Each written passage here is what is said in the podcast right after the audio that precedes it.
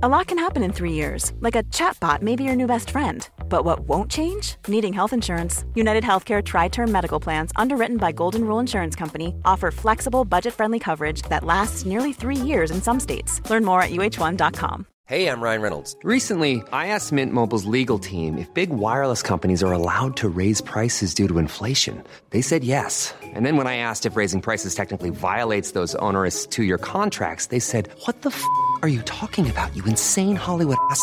So to recap, we're cutting the price of Mint Unlimited from $30 a month to just $15 a month. Give it a try at mintmobile.com slash switch. $45 upfront for three months plus taxes and fees. Promo for new customers for limited time. Unlimited more than 40 gigabytes per month. Slows. Full terms at mintmobile.com. Quality sleep is essential. That's why the Sleep Number Smart Bed is designed for your ever-evolving sleep needs. Need a bed that's firmer or softer on either side? Helps you sleep at a comfortable temperature? Sleep Number Smart Beds let you individualize your comfort so you sleep better together. JD Power ranks Sleep Number number 1 in customer satisfaction with mattresses purchased in-store. And now, save 50% on the Sleep Number limited edition Smart Bed for a limited time. For JD Power 2023 award information, visit jdpower.com/awards. Only at a Sleep Number store or sleepnumber.com.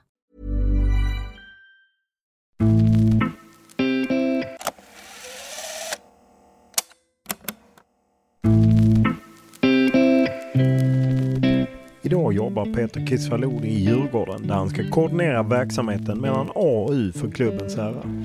När jag poddintervjuade honom vintern 2020 hade han släppt en bok 40 år efter han tog sitt första uppdrag som ungdomstränare och talade om talangutveckling, om varför det är viktigt att barn får lära sig att vinna och förlora, om fördelarna med att specialisera sig tidigt, om det självklara i att välja spelare till akademilag, om att föräldrar är den stora faran, om alla talanger som blivit elitspelare, om att svensk fotboll måste lära sig vad som sker i Europa. Dessutom berättade Kisvalodi om vad som fick honom att bli tränare. Om när han lyfte poplaget Café Opera från division 8 till superettan. Om sportchefsjobbet i AIK och hoten som följde. Om att smällen i AIK fick honom att lämna elitfotbollen. Om jobbet som sportchef i BP. Om att det gjorde ont att sälja Paulus Abraham. Och om vad Dejan Kulusevski betytt för Brommapojkarna. Här springer kanske framtidens fotbollsstjärnor. Ja, det är i alla fall vad Hammarby Fotboll hoppas på med elitsatsningen. Just nu håller man på att bestämma vilka spelare som ska få vara med i laget. Men elitsatsningen kritiseras av idrottspsykologer som menar att det kan få allvarliga konsekvenser för de barn som blir bortvalda från laget. Får du redan som sjuåring veta att ja, dina prestationer är inte tillräckligt bra, då kan du ju sända signalen att du inte är särskilt mycket värd. Det är få saker som rör upp så mycket känslor inom fotbollsfamiljen som elitsatsningar. Inslaget ni nyss hörde var från 2011 men debatten har stormat mycket längre än så och är minst lika levande idag. Toppar eller inte toppar? Tävla eller inte tävla? Lämna Sverige tidigt eller stanna och utvecklas i Allsvenskan? Frågorna är många och tonläget blir lätt uppskruvat. Peter Kusfalodi är tillförordnad sportchef i BP men är framförallt ungdomstränare sedan många år tillbaka i klubben som hyllats för att bland annat ha fostrat landslagsstjärnor som Dejan Kulusevski och Albin Ekdal. Men också kritiserats för sin nivåindelning i tidiga åldrar och där man satsat på akademilag i unga år. Nu släpper Kisvalodi boken Att skapa vinnare där han ger sin bild av hur ungdomsfotboll ska bedrivas. Och I den här intervjun pratar vi bland annat om att man från förbundshåll försöker ta bort resultatdelen ur ungdomsfotbollen. Jag tycker man underskattar barnen när de är tio år gamla. Eh, exempelvis att, att inte räkna mål. Alltså det blir ju nästan lite larvigt. Jag tror man underskattar de här barnen. Att vara tränare för barn och ungdomar innebär många utmaningar. Inte minst när det gäller föräldrarna. Och det har Peter Kisvalodi fått uppleva på nära håll. Det är ett jäkla liv. Bland annat Felix Beijmo som är lagkapten springer fram och, och skriker till föräldrarna. Nu får ni fan hålla käften. Och då har det gått långt när en spelare som är liksom 13 år måste springa fram och, och skrika framför hela föräldraskaran. Och så pratar vi om BP's plats i fotbollens näringskedja. Där det ibland kan vara svårt att få betalt för mödan som lagts ner på att få fram talanger. Men också om guldklimparna som faktiskt ger klubben stora pengar. Det Dejan har gjort för Brommapojkarna är ovärderligt kan jag säga. Han har gjort det fantastiskt. Eh, både, både som spelare när han var i klubben och som ambassadör för klubben i nuläget. Utöver detta talar vi om hur talangutvecklingen i Sverige står sig gentemot utlandet. Om hur en tidigare specialisering faktiskt kan hjälpa landslaget. Om hur man handskas med guldfebern som drabbar en del föräldrar till talanger som nosar på proffslivet. Och det faktum att unga spelare blir Instagramstjärnor redan i 13-14 års ålder. Men vi talar också om jobbet som sportchef för BP idag och vad som är en rimlig målsättning för A-laget. Men även tittar tillbaka när han var sportchef i AIK och den hotbild som följde när klubben ramlade ur Allsvenskan. Och så tiden i uppstickargänget Café Opera som gick från division 8 till Superettan.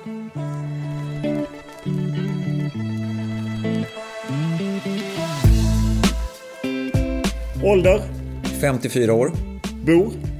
Bromma kyrka. Familj? Eh, eh, med eh, två killar, två söner. Utbildning? Eh, vårdlinjen, barn och ungdom. Lön? Oj, pass. Vad kör du? Eh, BMW. Vad läser du? Eh, jag läser mestadels... Eh, jag, jag, jag, läser inte så mycket i vanliga fall, utan jag läser bara på semestrarna och då läser jag ofta romaner. Vad tittar du på? Eh, serier. Vad lyssnar du på? Jag lyssnar mycket på... på eh, jag är ganska mycket allätare när det gäller musik, men jag lyssnar mestadels faktiskt på, på Star FM, lite eh, 80-90-tal, det gillar jag. Vad spelar du på? Eh, jag spelar inte alls. Vem är för dig världens bästa fotbollsspelare? Diego Armando Maradona, överlägset. Vilket är ditt favoritlag och varför? Eh, det var i Liverpool när jag var liten för jag växte upp med, med, med det, under den 70-talseran med, med Tipsextra och det och jag älskade ju Liverpool. Eh, sen när jag fick äran att besöka Manchester United då blev det ju tyvärr United, får man inte säga som gammalt Liverpool-fan, men det blev det. Vilken är din största merit i fotbollssammanhang? Oj, eh, min största merit, det vet jag inte riktigt. Det, det var väl kanske när vi gick upp i Superettan med ett, med ett otippat Café Opera. Genom alla odds och klarade ett omöjligt kval som alla sa att det gick inte att ta sig upp till Superettan. Men det var väl kanske den största meriten. Vilken är din största upplevelse i fotbollssammanhang? Största upplevelsen? Eh, det, jag brukar beskriva det som att eh, en av mina största upplevelser, jag har vunnit väldigt mycket på ungdomssidan eh, och jag fick en förfrågan att träna 81 lag 9 för många, många år sedan. Och eh, de, I BP? Då? I BP, Brommapojkarna. De hade, det var ett breddlag och de hade aldrig vunnit en fotbollsmatch.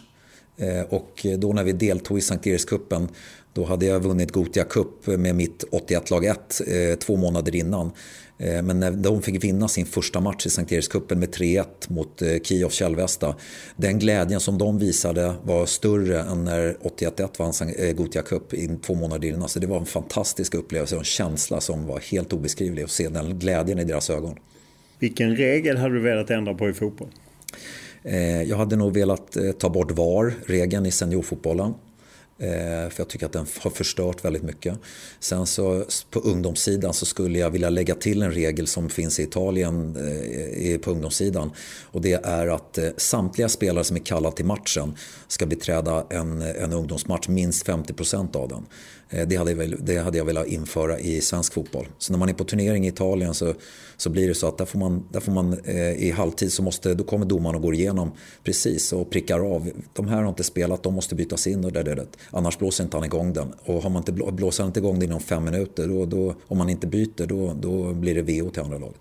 Det tycker jag är en bra regel på ungdomssidan. Vilken är din favoritfilm? Eh, jakten på den försvunna skatten den var ju fantastisk när den kom på 80-talet med, med Harrison Ford. Den gillar jag. Riktig matinéfilm som jag älskade. Vid vilka tillfällen ljuger du?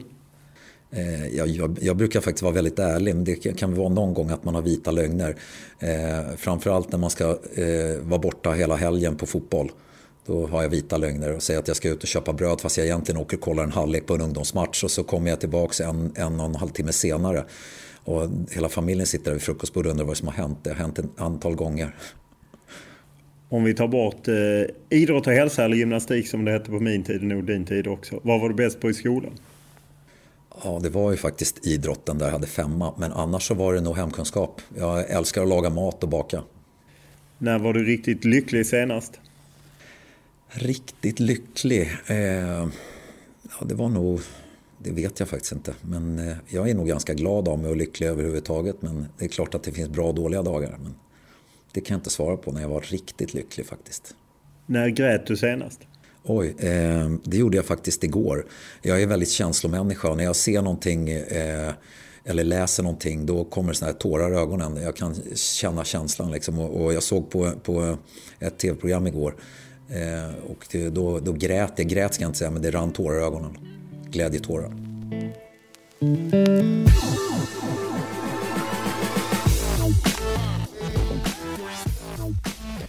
Eh, när vi träffas, du är ju tillförordnad eh, sportchef i BP.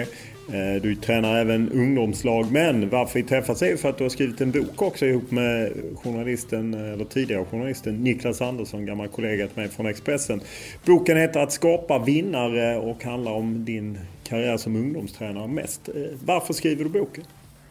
Först vill jag bara börja med att säga att det här är min, mina ord och mina tankar. Det är alltså inte klubben eh, IF Brommapojkarna som står bakom boken utan det är jag som står bakom den. Jag tror att det är viktigt så man inte blandar in mig tillsammans med BP.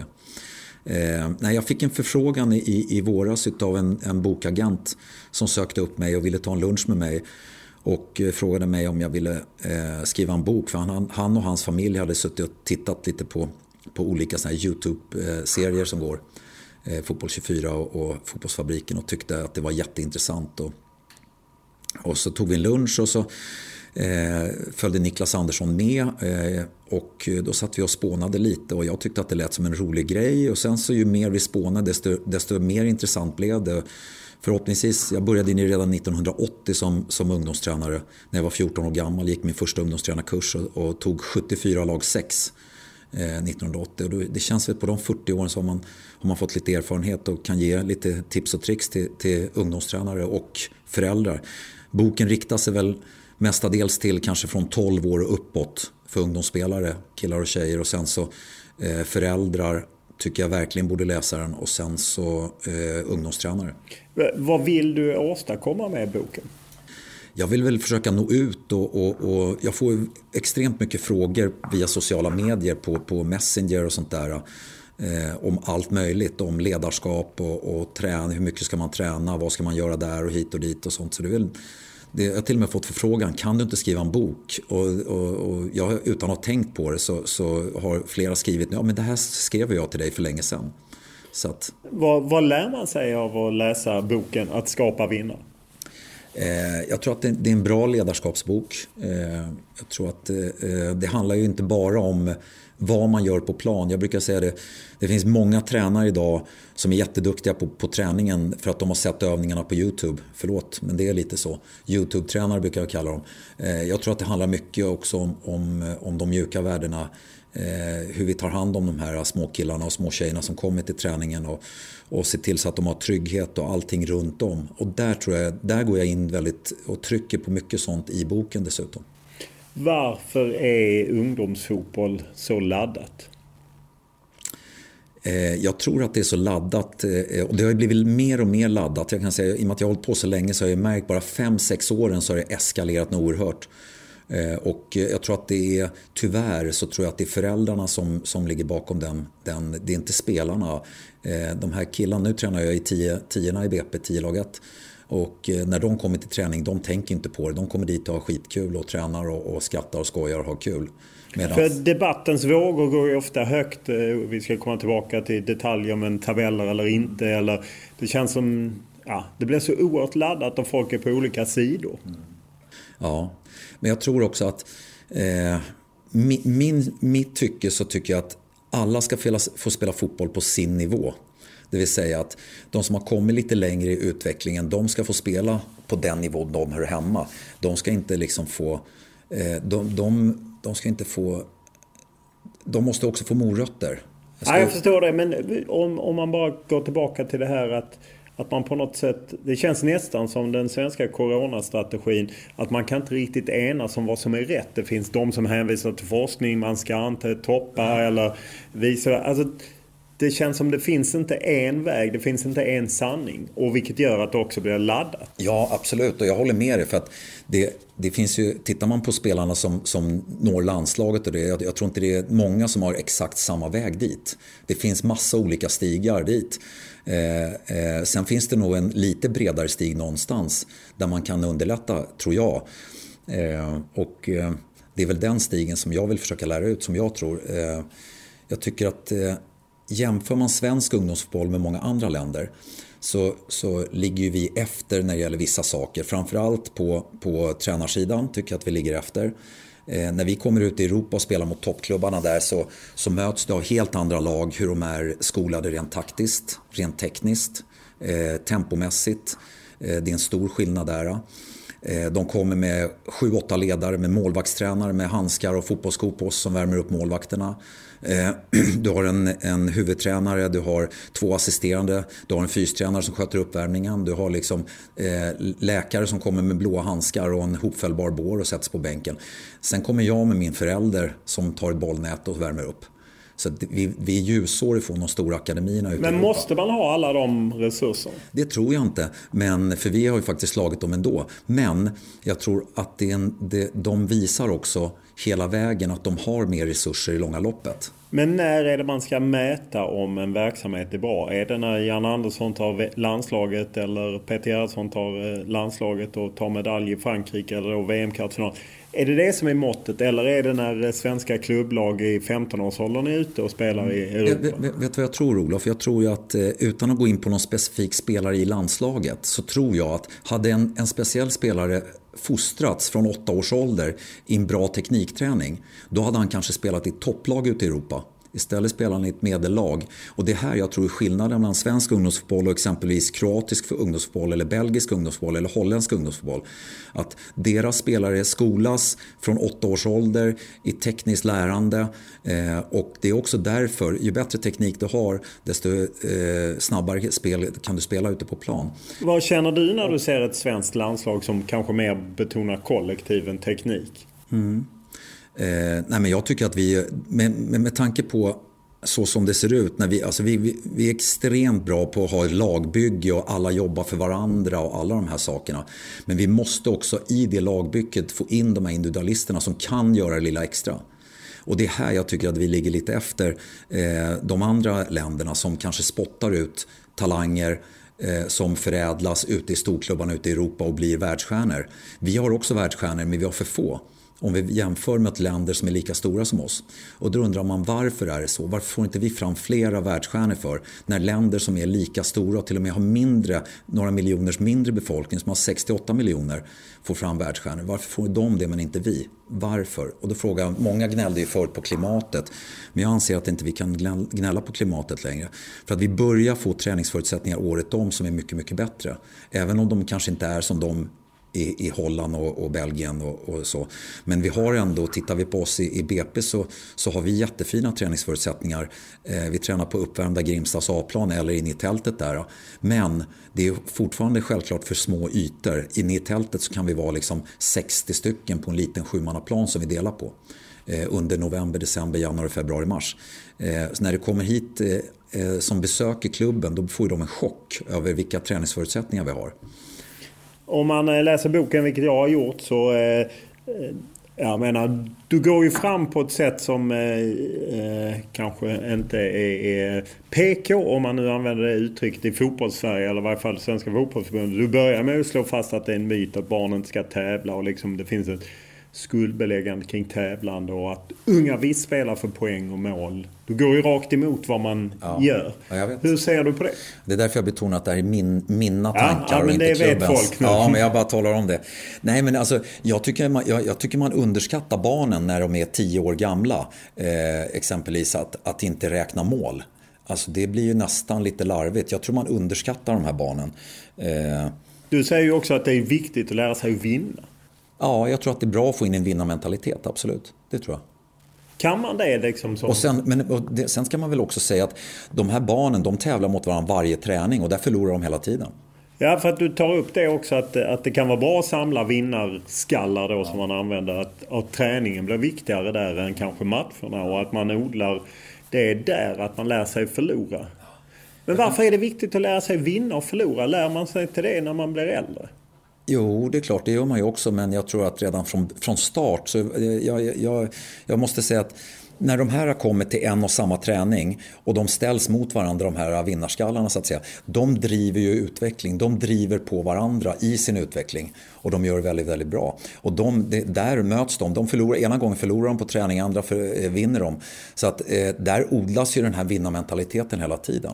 Hur gör du i ditt tioårslag när ni inte har tabeller och inget slutspel i Sankt Erikscupen och så? Vi spelar inte Sankt Erikscupen, vi spelar bara träningsmatcher. Så att, eh, och då spelar vi ofta mot ett år äldre. Och det blir utmaningen för dem och då får ju inte de vinna hela tiden när de spelar mot ett år äldre. Eh, och det tycker jag är jättebra för då får de ju ett helt annat motstånd. Att vi ni var, lämnade det, det, Sankt Erikscupen, berodde det ja. på att man tog bort tabeller? Nej, det gjorde det inte. Utan eh, varför vi lämnade Sankt Erikscupen det var ju för att eh, ehm, eh, jag hade ju 05 och 06 innan, två årgångar där. Och eh, då var det så, då spelade vi tre matcher extra svår. Och vi vann med 14-0, 14-0 och 24-1 på tre omgångar. Och då, då, då, då, då var det extra svår. Eh, och när det, varför vi lämnade då, det var ju för att det blev fri anmälan. Vem som helst får anmälas till extra svår. Och där tror jag att många, många ledare anmäler sig till en lite för hög serie för att de tror att det är utvecklande. Jag tror inte det. Jag tror att det, först och främst måste man klara av den, den serie man egentligen ska spela i på den nivån innan man kan ta nästa steg. Eh, så där, det, det kan jag säga. Det, så det, ingen tyckte det var roligt. Våra spelare tyckte inte det var kul. Eh, motståndarna tyckte inte det var kul. Det var ingen som det var bra för.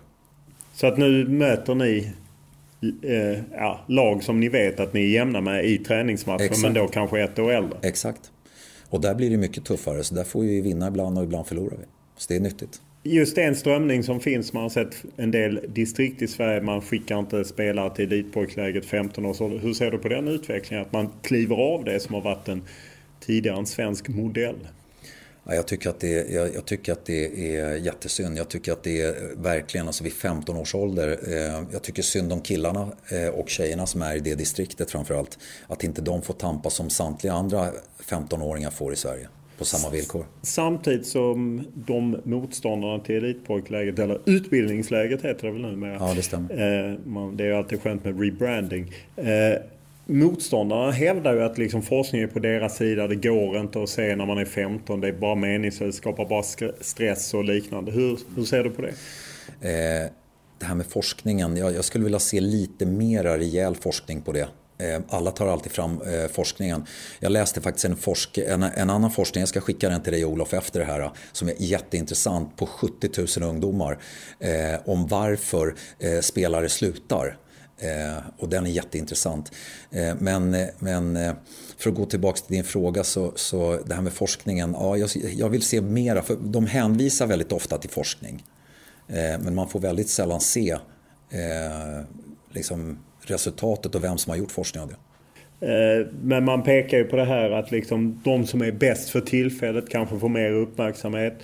Det är stress och oro, man blir rädd för att misslyckas. Och, och men, men, men eh, det kan jag väl hålla med om, men, men eh, tryggheten den måste du ändå ha hemma i klubblaget.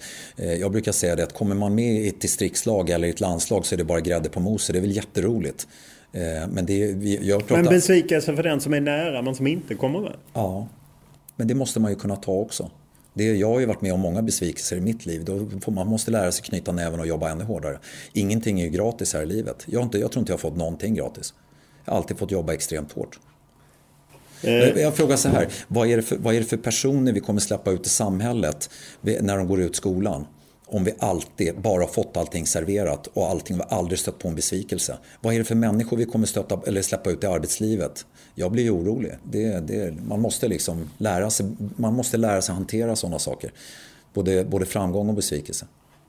Du är ju samtidigt tydlig med att jag menar, det handlar ju inte om att man ska välja bort några. Alla ska vara välkomna men man ska ha det som kallas då nivåindelning och så. Men samtidigt elit för de som vill och de som är liksom drivna. Hur, hur är det att göra det rätt tidigt? Att välja ut ja, de som är 7, 8, 9 år och på något sätt, ni är lag 1 och sen finns det lag under det. Nu är det inte jag som väljer ut dem. Nej, att, det vet jag men du fattar jag, jag, jag, jag får ju de spelarna jag får av, av klubben så att säga ja. jobba med. Men, Men eh, jag tror, det är ingen, det är ingen ute... De här spelarna är ju med i sina, sina klasslag och sen så blir de tillfrågade och, och, och vara med i ett, i ett akademilag från åtta års ålder. Vad är det man uppnår genom att selektera lite tidigare? Selektera är mest, in, mest det ordet som är nog mest Välja. Ja, ja precis. men, men, ja. Nej, men... Fast det, det är inte så att jag anklagar dig, men däremot måste jag ställa frågorna. Liksom, vad, vad uppnår man? Vad, vad är plusset med det? Eh, de får spela med likasinnade, det tror jag. Eh, eh, titta bara på Albin Ekdals sommarprat, det var jätteintressant tycker jag. Det kan man ju rekommendera verkligen. Där talar han högt och tydligt eh, om det här med att om han hade varit kvar i sitt klasslag där några satt och ritade gubbar i sanden och några tittade på flygplanet, då hade han slutat med fotboll. Och eh, det har ju faktiskt Lennart också eh, talat om, hans pappa Lennart Ekdal. Eh, och eh, de här killarna är ju drivna, de älskar ju fotboll. Eh, och de andra älskar säkert också fotboll. Men varför ska, man inte, varför ska inte de få spela på den nivån? De, varför ska inte de få morötter? Varför ska inte de få spela mot likasinnade? Det undrar jag. Du poängterar ju också det här att på något sätt går det inte att springa ikapp. Att man kan inte i 15 års ålder börja bestämma sig för nu satsar jag rejält på fotboll. Utan att man kanske måste specialisera sig tidigare. Jag kan säga att jag är jättepositiv till flera idrotter. Men jag tror också att man måste... Eh, man, man, tappar man de här åren, 8 till 12 år, är den gyllene åldern för teknikinlärning. Eh, vid 12 års ålder börjar du komma in i förpubertet, du börjar få muskler på kroppen. Det innebär att du blir stelare i kroppen. Då blir också inlärningsprocessen längre när det handlar om teknikträningen. Eh, och jag tror att de, de åren där när vi, när vi jobbar med teknikinlärning är, är jätteviktiga. Och det märks ganska snabbt när en spelare eh, kommer och ska prova när han, har varit, när han är 14-15 års åldern att han ligger efter rent tekniskt. Och sen är det klart att man kan jobba igen det till en viss del. Men jag tror att, och det är här jag återkommer till det här, att vad vore vissa av våra landslagsspelare om de hade om de fått en riktiga fostran redan från tidig ålder rent tekniskt? På vilken nivå hade de kunnat spela när de har alla andra sakerna också? Det är dit jag vill komma. Liksom, att, eh, det är där jag tror att många länder ligger före oss. De får fram de här riktiga världsstjärnorna för de har drillats redan ifrån tidig ålder. Och det, det, det tror jag är skillnaden. Eh, du skriver ju, det brukar ofta bli en diskussion det här att man kan, kan man välja spelare. Men du skriver att du kan inte säga att den blir bra eller den blir inte bra. Men däremot säger du att i tidiga tonår är det rätt lätt att plocka ut 90% som inte kommer bli. Har du någon gång haft fel där? Att någon du har inte trott på ändå blommat ja, upp? det har jag nog haft. Det har jag nog haft någon gång, absolut. Ja. Vad är risken med det? Att, att man liksom på något sätt kanske väljer bort eller att inte tro på någon som faktiskt ändå kan komma igen. Fast då kanske han kommer igen i, i, i, i, i ett annat lag. Det, för vi har, ju, vi har ju både första lag och andra lag i BP. Så att, och då, då brukar man alltid få, få det bevisat senare i så fall om man hade rätt eller inte ändå. De tar bakvägen. Det är det jag menar. Det finns många olika stigar till, till toppen så att säga. Eh, och eh, du skriver lite om det här att, att kring fotboll så blir det väldigt laddat medan i andra områden så är det inte alls lika laddat att specialisera eller att, att satsa på att man ska bli bra på någonting. Skola eller liknande. Var, varför tror du det är så? Det är väl lite så att i fotboll får alla tycka och tänka. Jag, jag, ibland kan jag lida med Janne Andersson. Alltså, han har det inte lätt liksom när, när 10 miljoner ska tycka och tänka om vem som ska spela och hit och dit. Och det är väl lite så med fotbollen överlag i hela världen. Att alla har sitt sätt att se på det och tycka om olika spelare och man har känslor och allting. Och det blir laddat i och med att det är världens största sport. Och eh, det är väl den största sporten i Sverige och det är väl därför som det är så laddat också. Eh, eh det finns ju massa olika idrotter där det är exakt samma selektering och allting men de, benäm, de benämns aldrig. Så att eh, det är en stor skillnad. Men fotboll engagerar och det är väl också för att det, det är världens största sport. Till och med min tjej har blivit fotbollsintresserad nu. Börjat, börjat sitta. Hon kan ju vissa spelare bättre än vad jag kan på TV.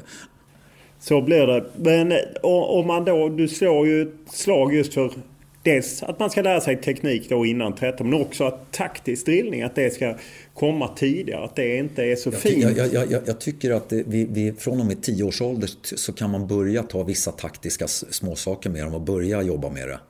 Eh, så att eh, eh, vi, vi pratar ju, i anfallsspel pratar vi om de fyra eh, vi, vi pratar om, om eh, spelbredd, speldjup, spelavstånd, spelbarhet. Eh, när vi pratar försvarsspel så, så pratar vi vem kliver in i press, hur pressar vi, vem kliver upp i markering och understöd. Alltså med grundförutsättningarna i anfallsspel och, och försvarsspel. Så att vi börjar försiktigt där. Om man ser till svensk fotboll i stort, finns det en likriktning eller finns det en öppenhet för att ta in andra sätt att se på fotboll? Eh, på ungdomssidan menar du? Ja, vi kan ta ungdomssidan och talangutveckling som ju ofta är ladd. Ja. Nej, men jag tror, att, jag, jag, tror att vi är lite försiktiga här. Vissa är utomlands och tittar på andra klubbar och besöker dem och tar med det till sina klubbar och, och, och, får väldigt, väldigt, väldigt mycket positivt med sig. Så jag tror att vi ska vara lite mer öppna och våga. våga. För du är ju samtidigt tydlig med att liksom man ska inte helst flytta årgångar och man ska akta sig för att byta klubbar hela tiden. Något som kanske drabbar främst klubbar i storstaden. I Stockholm vet jag att det är vanligt att man byter klubbar. Så hur motverkar man det? Det är jättesvårt att motverka men jag tror också att det är, eh, att det är eh, man, måste, man måste få ett förtroende hos föräldrarna eh, och spelarna såklart. Eh, men också så är det så att eh, jag tror att de största bovarna till det här det är nog föräldrarna. I årets upplaga av ungdomsturneringen Gotia Cup som drog igång idag genomförs en satsning på att förändra gapiga föräldrars beteende vid sidan av planen. Enligt en undersökning upplever var femte barn att hetsiga föräldrar är ett problem och bland deltagarna så här på premiärdagen så var det lätt att få exempel på dåliga föräldrabeteenden. Att föräldrarna typ skrikit på barnen när de har gjort något fel eller när de andra i motståndarlaget har gjort något fel. Vad tänker du om det? Att barnen borde få bestämma själva hur de ska spela under matchen och inte föräldrarna.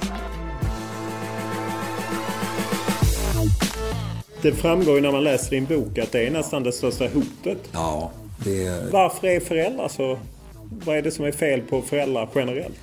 Det är inget fel på föräldrar, jag är själv förälder, men jag tror också att när de lämnar in sitt barn i våran verksamhet Eh, då ska man också lita på den verksamheten. Man ska inte bara gå och försöka och, och, och hitta fel eller vara orolig eller ängslig utan eh, åk iväg och drick en kopp kaffe eller och handla när vi tränar och så kan du komma tillbaka och hämta din son eller dotter när vi är klara istället. Ja, det, du... det, det, tror jag är jätteviktigt. Jag tror att det är jätteviktigt att ha tydliga regler för föräldrarna. Vi har ju det liksom, ni står på andra sidan eh, avbytarbänken, motsatt sida och eh, Eh, man hejar på, på laget i positiva ordalag, man gnäller aldrig på domaren. Man, nu kommer jag till en av de viktigaste poängen här. Det är att man pratar aldrig nedvärderande om andras barn. För det här har jag varit med om flera gånger när det kommer såna här reaktioner och så blir det nästan så att de ryker ihop föräldrarna. Eh, och det är bara en fotbollsmatch och det måste man kunna ta liksom, och förstå. Liksom. Så att, eh, föräldrarna tror jag är en, en, en eh, eh, jag brukar säga det, jag vill ju se föräldrarna som en resurs. Jag vill inte se dem som en belastning.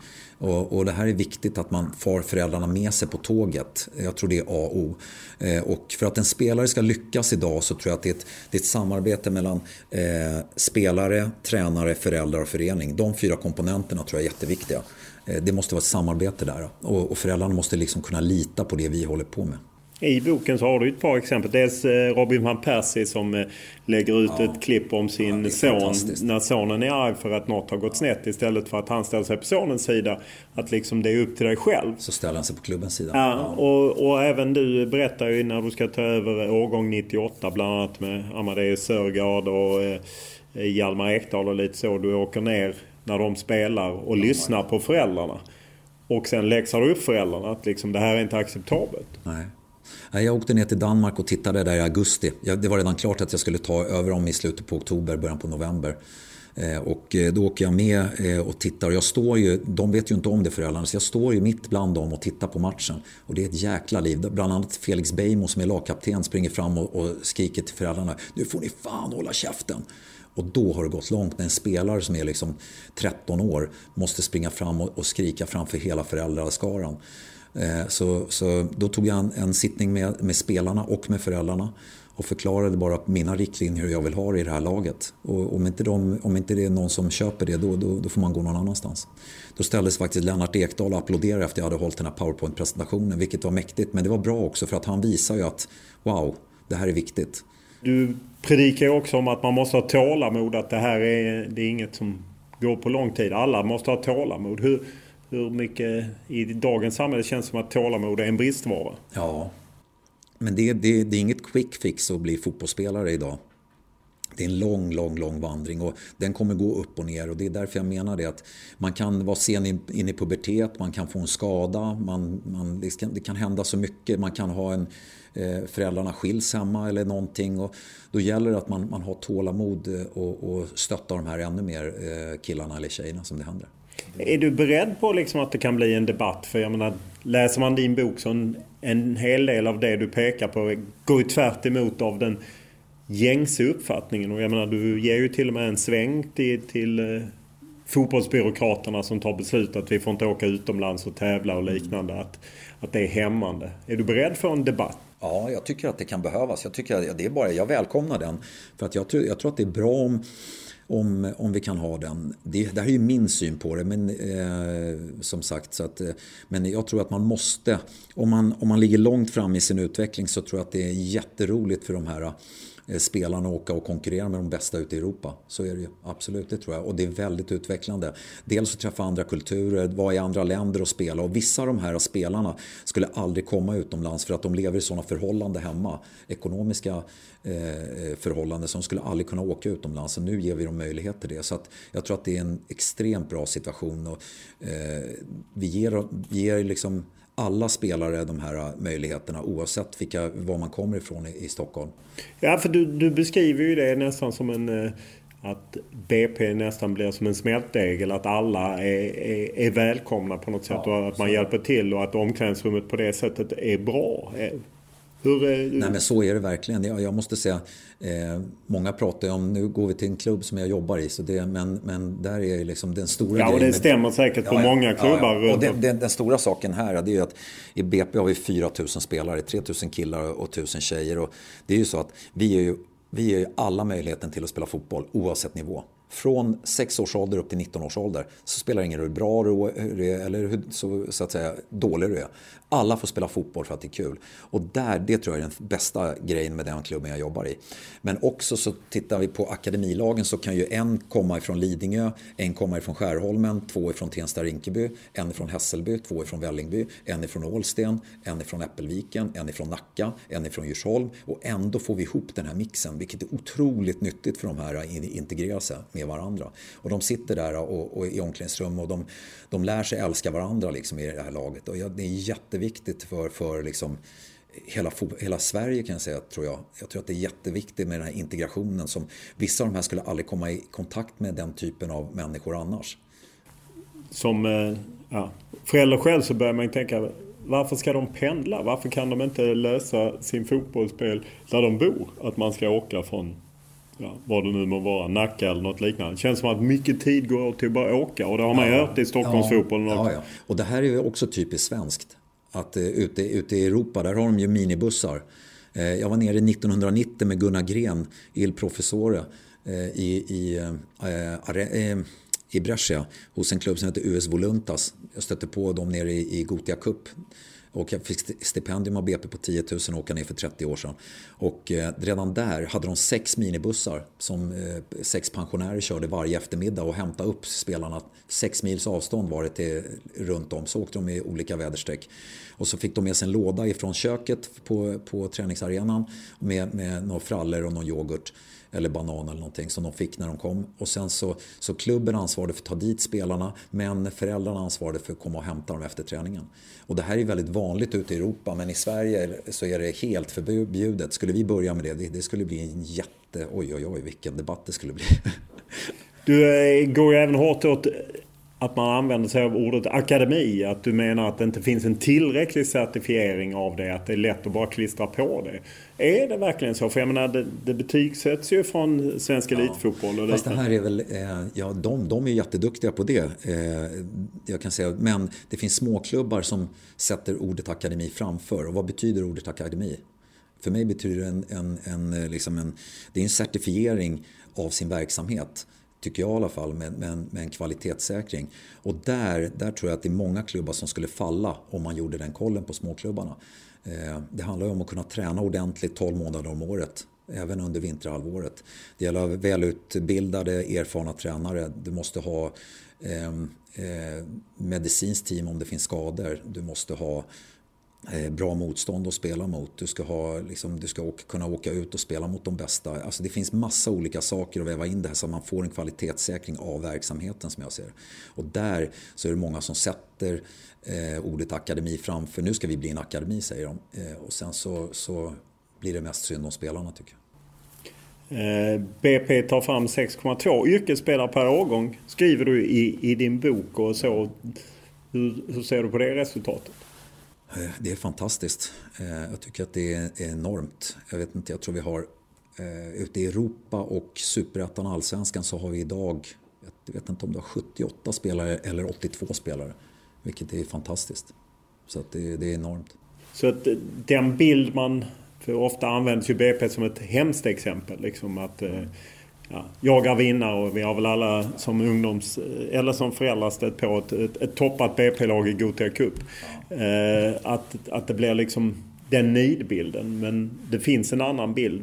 Varför får ni inte fram den bilden? Jag tror att BP är nog väldigt eh, rädda. Nu pratar vi återigen om klubben jag jobbar i, men det blir ju så.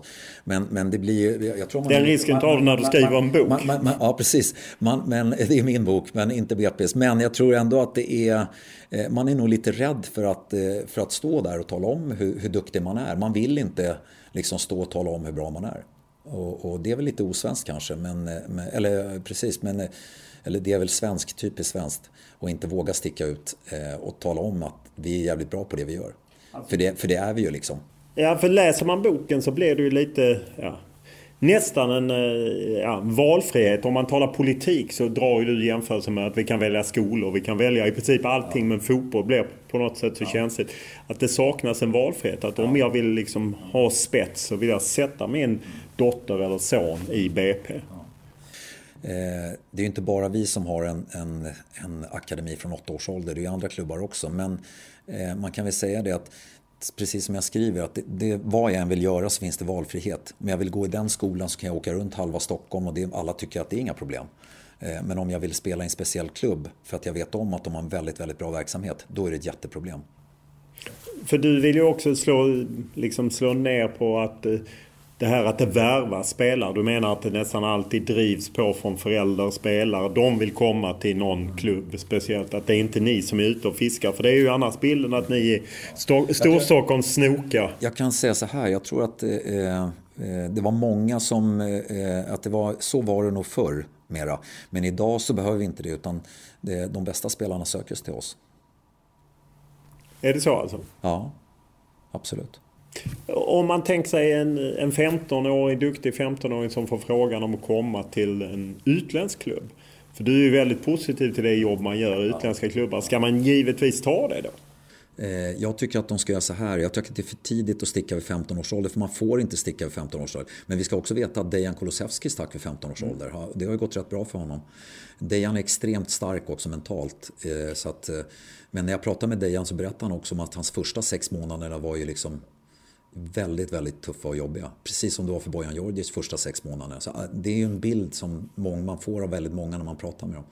Eh, men jag tycker att man ska göra så här att eh, allt är från person till person. Alla är olika eh, lagda eh, hur man klarar av saker och ting. Och, jag tror att eh, man, ska, man kan sticka iväg på provspel för att skapa sig en bild och få en känsla av det och veta vad som komma skall i så fall. Och kanske lägga det i sin ryggsäck och ha med sig det som en, som en, en, en erfarenhet istället. Och känna efter verkligen på att ja, är det här jag vill? Och så kan man komma tillbaks dit efter ett halvår. För ofta är det så, gör man ett bra provspel då vill klubben ha dit en efter fyra till sex månader igen. Och då kan man åka tillbaks igen. Vi i BP är ju väldigt positiva till att de åker iväg så och provar och, och, och får erfarenheter. En annan del som följer med fotbollen vid den ålder, eller blivit väldigt vanligt, närmast status är ju agent. Hur, hur ser du på att en ung lovande spelare, när ska den skaffa agent? Om den ens ska skaffa agent? Eh, det, eh, agenter, det kan man väl säga att eh, första, för, alltså agenter får inte tjäna pengar på spelare förrän de fyller 18 år. Och det tror jag är en viktig bit att ha. Jag tror inte föräldrar förstår det och, och sådär. Däremot så blir det så att agenterna vill binda upp spelaren så fort den fyllt 15 år så är det legitimt att, att få skriva med en agent. Eh, och jag tror inte föräldrarna ens vet varför de skaffar agent i alla lägen heller. Så att, men, men jag tror också att om det är som att man, att man åker utomlands eh, och ska skriva ett avtal, då tror jag att det måste ha en agent. För att annars så tror jag att det är en stor, stor risk att man blir uppkörd ordentligt. Eh, så att först vid ett sånt aktuellt läge så skulle man skaffa agent. Annars behöver du inte agent. Nej, jag tycker inte. I Sverige behöver du inte det i nuläget. När du är 15-16 år. Jag tycker man kan vänta lite. Vilka, vilken, vilka klubbar är bäst i Sverige på att ta fram spelare?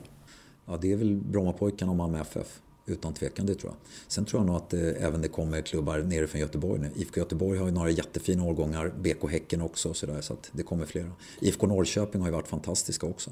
De har väl kanske lite lättare än oss för att de, de i Stockholm så har du en enorm konkurrens av de fyra alliansklubbarna, AIK, Djurgården, BP, Hammarby. Medan eh, nere i Göteborg är det inte alls samma sak. Och i Norrköping, där kan ju de vänta lugnt och fint så att säga. Eh, tills de fyller 14-15 år, sen börja samla in dem från småklubbarna runt om. Så de har inte alls samma eh, press där som vi kanske har. Vad ser du hos Malmö FF som du gärna hade haft hos BP? Eh, 500 miljoner på banken. Det ser jag. Nej, resurserna också. De, de har ju mycket, mycket bättre resurser än vad vi har. Eh, och det stavas ju ekonomi. Det vi lider av i BP är att vi inte har eh, kanske mellan 15 till 20 000 på varje hemmamatch. Eh, och då får vi dessutom in mer sponsorer om vi har mer publik och allting. Då kan vi också behålla våra, våra spelare och ge dem helt andra löner. Det är klart att om du är 19 år och får en förfrågan från en allsvensk klubb och i BP tjänar du mellan 5 till 10 000 i månaden eh, och spelar inför 5, 6, 7, 800 000 personer och sen så får du en förfrågan från någon av storklubbarna och spelar inför 20, 20 000 varje vecka och, och, och dessutom så höjer du ditt, eh, din lön upp till en 35, 40, 50 000. Det är klart att det är svårt för en 18-19-åring att säga nej till det. Hur, hur är känslan när Simon Tibbling plockas till Djurgården eller, ja, eller Paulus Abraham eller att de på något sätt tar sig upp hela vägen till er och sen så går de till Djurgården. Beijmo är ett annat exempel. Eh, många som spelar i, våra, eh, i, i BP, de har ju spelat i BP sedan de var 6, 7, 8 år. Vilket är fantastiskt. Eh, tittar man på våra landslagsspelare har samtliga gjort det. Eh, som spelar i vårt A-landslag och flera också i vårt u landslag eh, I det läget så är det klart att det svider. Därför tror jag att det är viktigt att vi bygger broar mellan klubbarna så att vi har en del, en procentsats den dagen de går vidare också. Fast det är väl lite i, i vårt DNA, vi har inga pengar. Eh, därför så, så måste vi försöka sälja spelarna och få tillbaka någonting. Därför är det väldigt viktigt att vi kan kontraktera upp spelarna så vi får någonting tillbaks. Och Eh, vi försöker klargöra det ganska tidigt för våra spelare och framförallt för föräldrarna, inte för spelarna kanske men för föräldrarna, att det är viktigt att, att, man, eh, att man skriver ett kontrakt när man blir 15 år. Däremot den nya regeln som kom nu, eh, att, som förbundet har tagit fram, att man måste skriva kontrakt, man får inte skriva kontrakt med spelaren förrän han fyller 15 år. Förut var det det året man fyllde 15. Den sätter enorma käppar i hjulet för oss kan jag säga. Varför det? För att om man fyller i december det året. Då är det så här att spelarna är nere på elitpojklägret eh, i, i juli månad, spelar sina första landskamper i augusti. Och då står ju hungriga agenter där. Och eh, de talar om för dem att nej, nej, du behöver inte skriva på här. Det är bättre att vänta och vänta och vänta. Och då, då tappar vi hela liksom, det vi jobbar för så hårt. Vi måste få betalt för våra spelare för att kunna återinvestera i nya talanger. Så är det bara att överleva. Det är våran, liksom, det är våran vardag. En klassisk invändning eh, eh, mot det här att man väljer lite är ju att man just tappar de som är födda i december. Eh, de som är födda på andra halvåret kanske. Hur ser du på den kritiken? Eh, vill man vinna lätta segrar kanske man kan titta på, på storlek bara. För oss är inte storlek talang utan vi, vi tittar ju liksom på helheten och det är bara att titta på några av våra spelare uppe i vårt A-lag i nuläget som, som är senfödda men som tillhör våra bättre spelare i A-laget som bara är 19 år. Hur kan man fånga upp det? För förbundet har ju pratat om landslag som ja. ska ta hand om de som är födda lite senare. Eh, eh, förbundet har ju landslag för, för, eh, för sen, senfödda. Så att eh, där tror jag att det är jätteviktigt att man följer upp dem i lugn och ro. Eh, nu har vi exempelvis två 15-åringar som kanske tillhör bland de bättre 05 i, i landet som är födda i december som spelar i BP nu som är fantastiska. Så att, eh, jag tror inte att man ska titta så mycket på när man är född. Men sen finns det ju vissa senfödda som är dessutom är sena då in i pubertet och då gäller det extra mycket tålamod med dem. Och jag tror att där är det viktigt att ha en dialog med, med, med spelarna och med föräldrarna och bara ha tålamodet. Eh, om man ser till att tjejer växer, eh, alltså tjejfotboll växer, jag menar ni är en fjärdedel i, i BP så ändå menar du att det är tacksammare att, träna tjejer men det kan eh, samtidigt att killar tål mer. Är det verkligen så? Jag tränade ju Flickor 05 1 här för fyra, fyra eller fem år sedan. Fyra år sedan, 2016 tror jag det var. Ja, de var 11 år då. Det var, ju, det var skitkul måste jag säga. Första träningarna så var de livrädda för mig. Och sen efter bara två veckor så kom några föräldrar och sa de bara längtar till träningen nu. Vilket det värmer ju och det är jättekul. Tjejerna är mer tacksamma än, än vad killarna är. Och föräldrarna är mer tacksamma på tjejsidan. Medan på, på killarna ställer mera krav och föräldrarna på killsidan ställer, ställer helt andra krav än tjejföräldrarna tycker jag. Vad är din eh, åsikt i, ska det heta BP eller Brommapojkarna? Eh, jag tycker det ska heta Brommapojkarna men man säger BP. Det är en gammal... Eh, eh, du tillhör den falangen? Ja, men jag tycker att man, man, man byter... Det finns här tre saker. Man, man, man byter inte färger, man byter inte klubbmärke och man byter inte namn. Men däremot så är det så här att vi heter, vi, vi heter Brommapojkarna men vi tilltalar allting i BP. Eh, så att eh, jag är gammal där kanske. Ja, och läser man eh, dina råd så är det ju rätt ja, på något sätt klassiska ordningsråd om man säger så. Ja. Eh, ja, ordningsman i skolan var du kanske inte men Nej, du är kanske nu, kanske numera att du vill ha ordning och reda och positivt kroppsspråk och alla det här var i tid och ordning på utrustning och så. Varför, varför är sådana saker viktiga? Jag tror att eh, till att börja med så tror jag att det är jätteviktigt att komma i tid. Eh, det lärde jag mig från jag var liten. Eh, och det tror jag är jätteviktigt. Jag brukar säga så här, vara med i en akademi eh, i BP, det måste vara en av de bästa utbildningarna en, en tjej eller kille kan ha. De ska lära sig vara där i tid. De ska lära sig med sig rätt utrustning. De ska lära sig lyssna. De ska lära sig fungera i grupp. De ska lära sig dra det här tåget framåt tillsammans. Hur gör man när det inte funkar? ja, då får man väl sätta sig och prata om det och försöka lösa det. Eh, och här tror jag är jätteviktigt. Det här är ju lära för livet. Det handlar inte bara om, tänk om jag kommer in på en lektion, först kommer jag en kvart för sent, sen har inte jag med min dator eller penna och papper. Då kan jag inte bedriva den lektionen. Eh, och jag tror att allra helst i, i dagens samhälle så tror jag att det är ännu viktigare att vi, att vi har eh, och jag, regler och rutiner. Jag tror att eh, både killarna och tjejerna känner sig tryggare när de vet hur det är när de kommer till träning. För du skriver ju om att du har bett spelare att flytta från BP till andra klubbar och så. Hur svårt är det? Nej, inte flytta från andra klubbar. Jag har bett dem att de, får, att de kan inte spela kvar i laget. Ja. Eh, för att vi, vi, jag får aldrig säga så att du ska byta klubb. Nej, okay. Så får de byta lag inom BP. Eh, politik kallas det. Nej, men, eh, men ja, det, det slutar ju med att de bytte klubb. Det, det, kan jag hålla med om. Jag visste ju, det här, var i, det här var i juni och jag visste att den här spelaren var uttagen till Elitpojklägret. Och ändå så, så satt jag med mamman där och, och den akademichefen BP och akademichefen blev helt förstörd. Men jag stod på mig, jag, jag, jag sa det att det här går inte längre. Och det var ju, spelaren var ju en underbar kille, fantastisk, spelar i Allsvenskan idag. Men eh, hans eh, mamma var jättesvår att jobba med. Det gick inte liksom. Hon, hon, hon stod och pratade vid sidan av på ett sätt som man kanske inte ska göra. Nej, och du, du ger ju exempel både Isherwood och Bejmo som du har inte bytt lag men du har, de har bytt position. Vilket de inte ville. Men där du drev på. Vilket du varit bra kanske för deras karriär. Ja. Ja, eh, Felix han var ju, han var ju vansinnig på mig. Han, han, han spelade centralt in i mitt hela sitt liv. Och, eh, jag satt utan som högerback. Eh, vi spelade en semifinal eller final, final tror jag det var. Semifinal var det, jag kommer inte ihåg. Nere i Italien, Gardasjön med 98 och, eh, och Felix, han, jag satt han, han var tvungen att, och de hade en fantastisk vänsterforward. Och jag visste att Felix skulle kunna hänga med honom bra och plocka bort honom. Så jag satte mig och pratade med Felix innan och bara fick hans godkännande och säga att vi kommer kunna vinna den här semifinalen om det är så att du kan plocka bort den här spelaren. För han gör liksom nästan allt i deras lag. Och Felix gjorde det med bravur och han kände väl själv bara wow. Eh, men sen så tog jag en diskussion med han och hans pappa att vi skulle prova där lite längre och då, sen blev det så. så att... Men det kan vara lite mot. Hur är det i en tid där samhället har blivit mer individualistiskt? Eller egoistiskt om man vill använda det. Att jag menar, hela samhället har gått från att vara mer kollektivt till mer individualistiskt. Hur har det påverkat ditt jobb som ungdomstränare? Jag tror så här att eh, när man kommer till... När, när vi, när, när vi, jag tränar ju individer så att säga, som ska bli ett lag.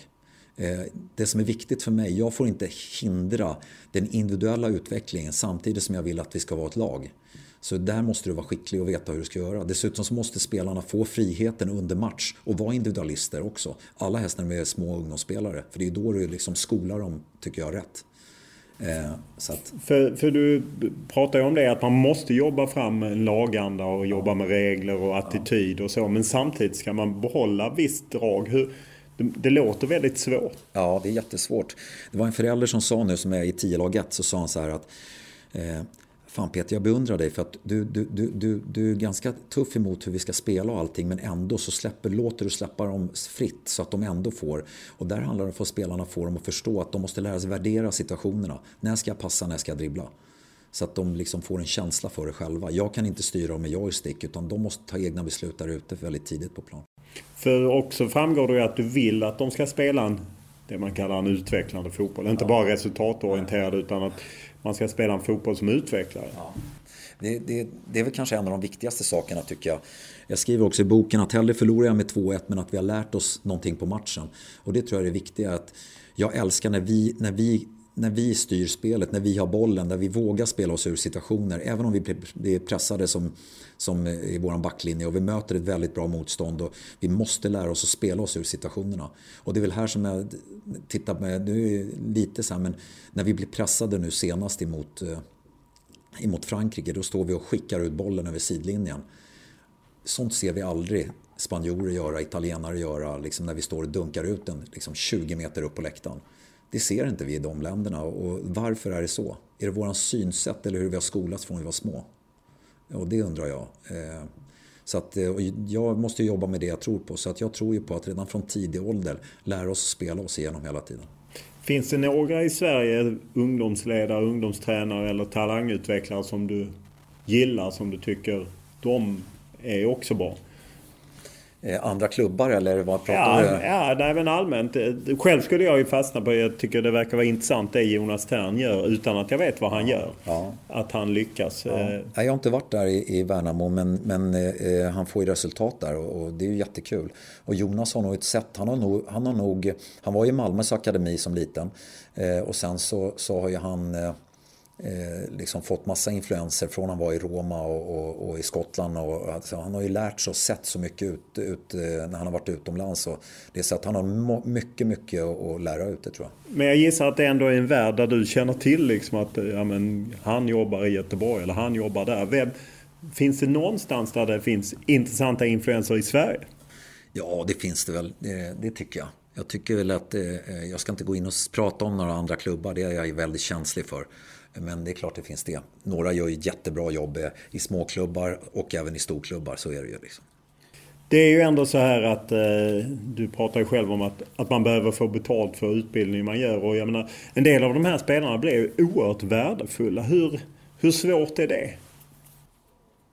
Det förstår inte jag. Hur, hur menar du? På vilket sätt? Att ja, men att när om man är, dem, eller? Ja, precis. Eller som en talang. Att plötsligt blir man lockad av att du kan gå dit eller du kan gå dit. Eller... Det, det, det känns ju rent ut sagt för jäkligt när vi har haft en spelare som har varit med i BP's knatteskola från sex års ålder. Och sen den dagen kommer när man ska skriva ett kontrakt vid 15 års ålder så väljer han att inte skriva och lämna istället. Eh, då tycker jag, då, då har man ingen lojalitet och, och så. Det, jag är ju fostrad på ett annat sätt. Jag är väldigt lojal av mig. Thank you.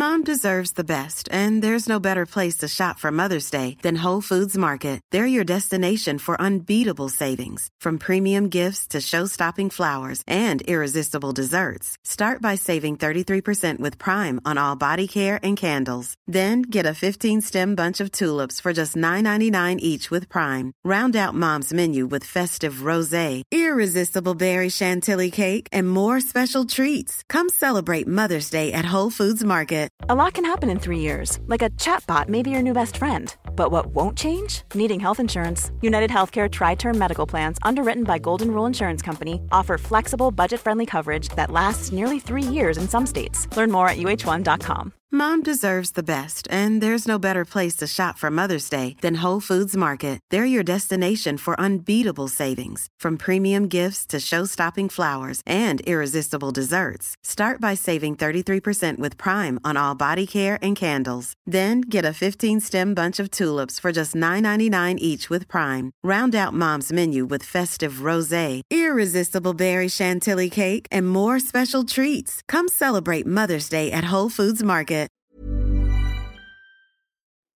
Ni kan för fan inte stå och titta så här och sen börja springa. Det spelar ingen roll om de spelar som är tio gånger långsammare än er. För de springer ifatt er ändå. För de är så här, de är hungriga, de vill vinna det här. Den här berättelsen handlar om drömmar. Om Brommapojkarnas bästa 15-åringar. Och deras väg mot sina drömmars mål. Då, en del av de lag du har varit med om har ju figurerat i TV. Dels 98-generationen och även senaste generationen är ju på Youtube. Och, och det var ju vi på TV4 som gjorde kring den 98-generationen. Fotbollsfabriken. Ja, precis. Och de är på Instagram och så. Hur, hur ser du på det? Att de blir stjärnor kanske rätt tidigt? Jag tror att det är... Eh, ska man nå hela vägen måste man ju lära sig handskas med dem. Men man ska också veta att det är barn, så man får vara väldigt försiktig. Absolut. Eh, när vi var med i fotbollsfabriken, då var ju de lite äldre. Eh, de var ju 15 år där. Och, eh, sen så 06 var ju 13 år. Så där har det varit en 13-14 år. Så där har det varit, eh, men där har vi haft eh, diskussioner med föräldrarna innan. Alla har fått skriva på papper om det. Vi har pratat med, med, med barnen. Det var en som inte ville vara med, då har man inte filmat den och, och sådär och inte intervjuat den och sådär. På något sätt blir de ju också stjärnor på sociala medier, Instagram. Ja. I, I teorin skulle de kunna sponsras av Nike eller Adidas eller någonting. Nej men det här, här är väl lite så här, våra rekommendationer har ju varit hela tiden att det, det är föräldrarna som kontrollerar barnens Instagramkonton. Och det tror jag är en jätteviktig grej att de hela tiden har insyn i vad som händer på Instagram och allting. Och sen eh, att man kanske lugnar ner vissa saker. Man lägger inte ut inlägg hela tiden och sånt. Eh, du använder själv ordet guldfeber kring en del eh, talanger. Att man kan ju lockas till utland och, och liknande. Hur, hur svårt nej, är nej, det? Nej, när jag pratar om guldfeber då pratar jag faktiskt om föräldrarna. Det är inte spelarna som får guldfeber, det är föräldrarna som får guldfeber. Men föräldrarna är ju ofta precis, man, man, man, man, målsman. ja, precis. Eh, utan, och där tycker jag det, det är nästan hemskt att, att se hur, hur, hur man har haft jättebra relation och sen bara kommer de med i ett stadslag och ett landslag och sen så bara pang så är de någon helt annanstans. Och, och när vuxna människor blir så, då blir jag orolig. Eh, de binder liksom, de rider om huvudet på sitt eget barn i det läget, tyvärr. Jag har sett skrämmande exempel på det. För att man ser att det här ska vi kunna leva på. Exakt. Hur, hur, hur vanligt är det att man får gåvor som spelare eller föräldrar för att man vill locka över dem till antingen klubbar eller byta agent eller vad det nu må vara? Det vet jag inte. Det vet jag inte. Det, det, det är inte vad jag vet har de fått några gåvor eller något sånt där. Matchfixning pratas det om i, i den, även i fotboll för yngre. Därför vill man ju stoppa spel. Hur upplever du det? Oj, jag har aldrig varit med i någon form av matchfixning när det gäller, när det gäller ungdomar. Eh, eller den diskussionen så att säga. Jag har aldrig hört någon nämna det på våran, våran nivå faktiskt. Sverige anfaller då på det här sättet. Kulusevski i straffområdet med vänster och då leder Sverige! Dejan Kulusevski i sin tävlingspremiär för Sverige rullar in ett mål mot noll. Så elegant och stiligt med vänstern så är Sverige i ledningen med ett mål mot noll. Första landslagsmålet för superkometen Kulusevski.